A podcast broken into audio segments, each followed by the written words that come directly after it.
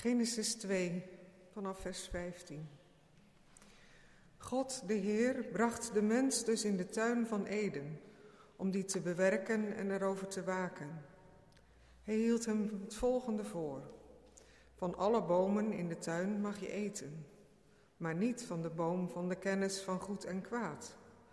Wanneer je daarvan eet, zul je onherroepelijk sterven. God, de Heer, dacht, het is niet goed dat de mens alleen is. Ik zal een helper voor hem maken die bij hem past. Toen vormde hij uit aarde alle in het wild levende dieren en alle vogels. En hij bracht die bij de mens om te zien welke namen de mens ze zou geven. Zoals hij elk levend wezen zou noemen, zo zou het heten. De mens gaf namen aan al het vee, aan alle vogels en aan alle wilde dieren. Maar hij vond geen helper die bij hem paste. Toen liet God, de Heer, de mens in een diepe slaap vallen. En terwijl de mens sliep, nam hij een van zijn ribben weg. Hij vulde die plaats weer met vlees. Uit de rib die hij bij de mens had weggenomen, bouwde God, de Heer, een vrouw. En hij bracht haar bij de mens. Toen riep de mens uit: Eindelijk, één gelijk aan mij, mijn eigen gebeente, mijn eigen vlees. Eén die zal heten vrouw, één uit een man gebouwd. Zo komt het dat een man zich losmaakt van zijn vader en moeder en zich hecht aan zijn vrouw, met wie hij één van lichaam wordt. Beiden waren ze naakt, de mens en zijn vrouw, maar ze schaamden zich niet voor elkaar. Van alle in het wild levende dieren die God, de Heer, gemaakt had, was de slang het sluwst. Dit dier vroeg aan de vrouw: Is het waar dat God gezegd heeft dat jullie van geen enkele boom in de tuin mogen eten?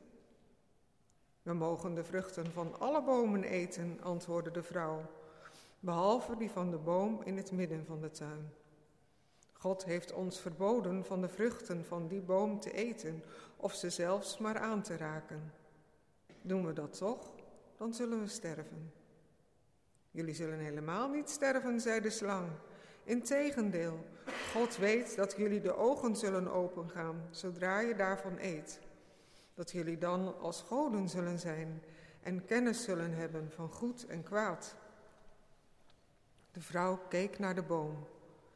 Zijn vruchten zagen er heerlijk uit. Ze waren een lust voor het oog.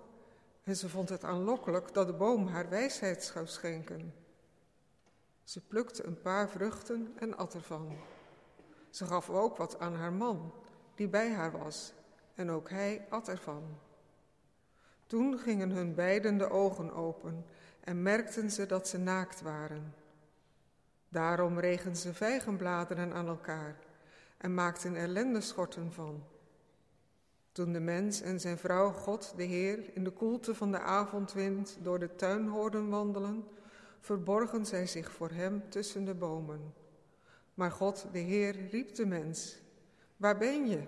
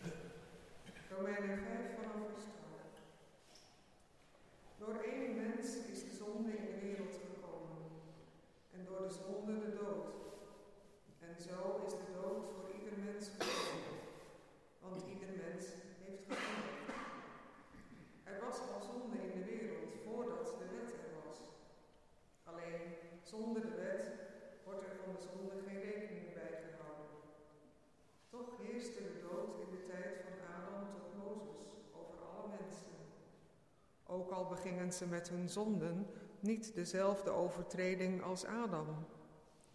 Nu is Adam de voorafbeelding van hem die komen zou. Maar de genade gaat zijn overtreding verre te boven. Door de overtreding van één mens moesten alle mensen sterven. Maar de genade die God aan alle mensen schenkt, door die ene mens, Jezus Christus, is veel overvloediger. Dit geschenk gaat het gevolg van de zonde van één mens verre te boven, want die ene overtreding heeft tot veroordeling geleid. Maar de genade die na talloze overtredingen geschonken werd, heeft tot vrijspraak geleid. Als de dood heeft geheerst door de overtreding van één mens, is het des te zekerder dat allen die de genade en de vrijspraak in zo'n overvloed hebben ontvangen, zullen heersen in het eeuwige leven, dankzij de ene mens, Jezus Christus. Kortom, zoals de overtreding van één enkel mens ertoe heeft geleid dat allen werden veroordeeld, zo zal de rechtvaardigheid van één enkel mens ertoe leiden dat allen worden vrijgesproken en daardoor zullen leven. Zoals door de ongehoorzaamheid van één mens alle mensen zondaars werden, zo zullen door de gehoorzaamheid van één mens alle mensen rechtvaardigen worden. En later is de wet erbij gekomen, zodat de overtredingen toenamen. Maar waar de zonde toenam, werd ook de genade steeds overvloediger.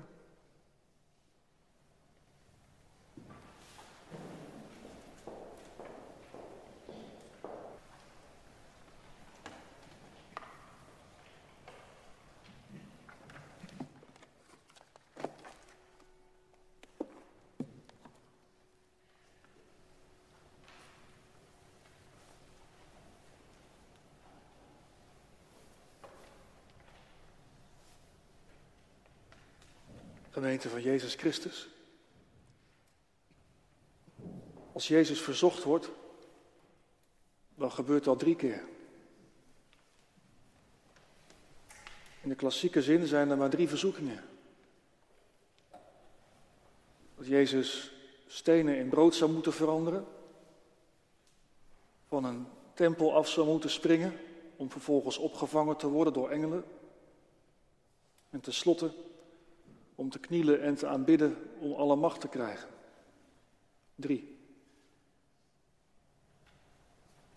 Toen ik het me op me in liet werken, bedacht ik me dat er ook een vierde is. Die vooral door de eerste twee heen speelt. Een verzoeking die mij in elk geval niet onbekend is. Niet een verzoeking om stenen in brood te veranderen of in een soort van Red Bull bestaan, overal vanaf te springen. En dan filmpjes ervan te maken en te delen. En te laten zien hoezeer je wel niet leeft. Ook niet om te knielen en alle macht te willen hebben, want zo steekt niet iedereen in elkaar. Maar eerder bewijsdrang. Laten zien dat je het kunt. Dat je ook wel iemand bent. Dat klinkt door in die eerste twee verzoekingen. Als jij de zoon van God bent, doe dit, doe dat. Je bent het toch? Show it. Laat zien. Jezus ging daar niet op in. Hij had niets te bewijzen. Althans niet op deze manier. Als het ging om een koud machtsvertoon, hoeft u niet bij hem aan te kloppen. Zelfs aan het kruis nog niet. Daar werd het ook geroepen door mensen. Als je de zoon van God bent, red jezelf, kom van het kruis af. Had je het weer. Bewijs het maar. Want zo zien wij God. Zo van God betekent toch dat jij onschendbaar bent, krachtig, machtig,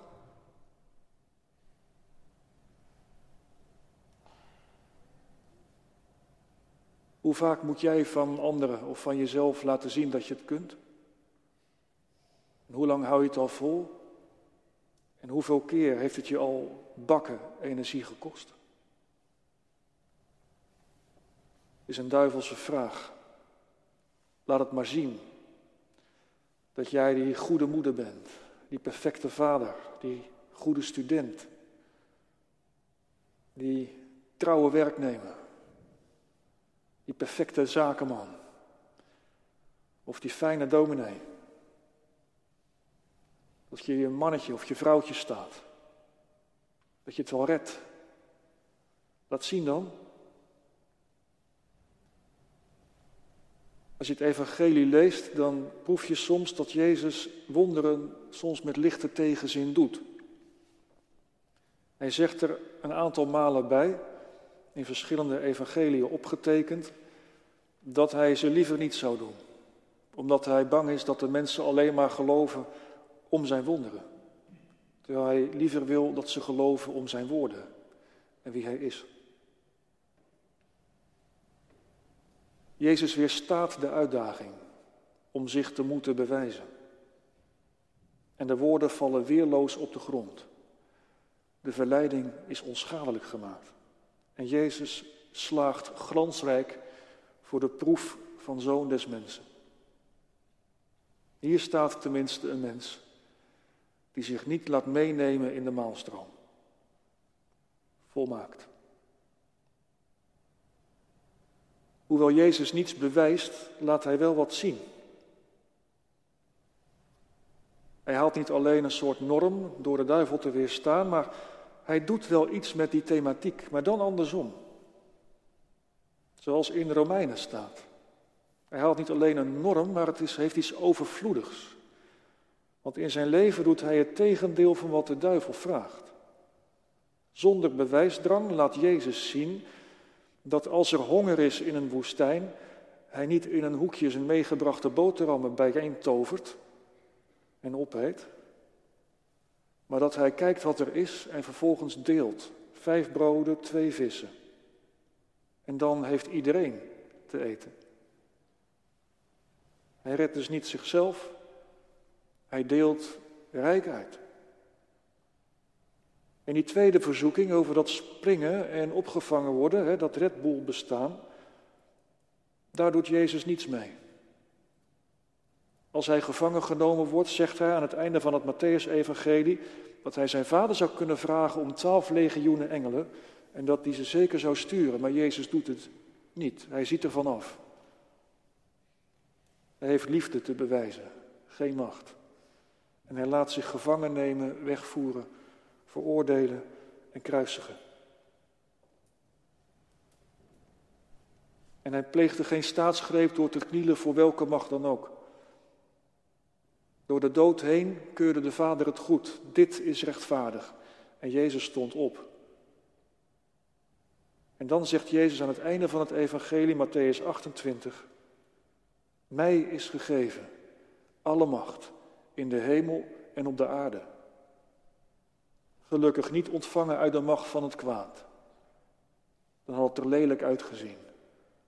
Maar uit de handen van de Vader, omdat Jezus volmaakt liefde is. En de Vader ook. Het leven van Jezus is geslaagd. En hij geeft overvloedig. Hij heeft niets aan jou te bewijzen. Hij heeft wel veel te geven. En het enige wat hij vraagt is wat de engelen doen aan het einde van de evangelielezing. Die komen om hem te dienen. Daar in de woestijn was nog geen mens te bekennen die dat ook deed. Maar door de eeuwen heen kwamen er mensen. En ze knielden en aanbaden Jezus. En daarmee beleiden ze dat de macht niet aan hen is, maar aan Hem. Jezus Christus. En dat is maar goed ook. In deze soms verduveld slechte wereld is het toch een God van liefde. Vader, Zoon en Geest. Wil je rust? Kniel voor Hem. Hou van Jezus. Zing de lof. Amen.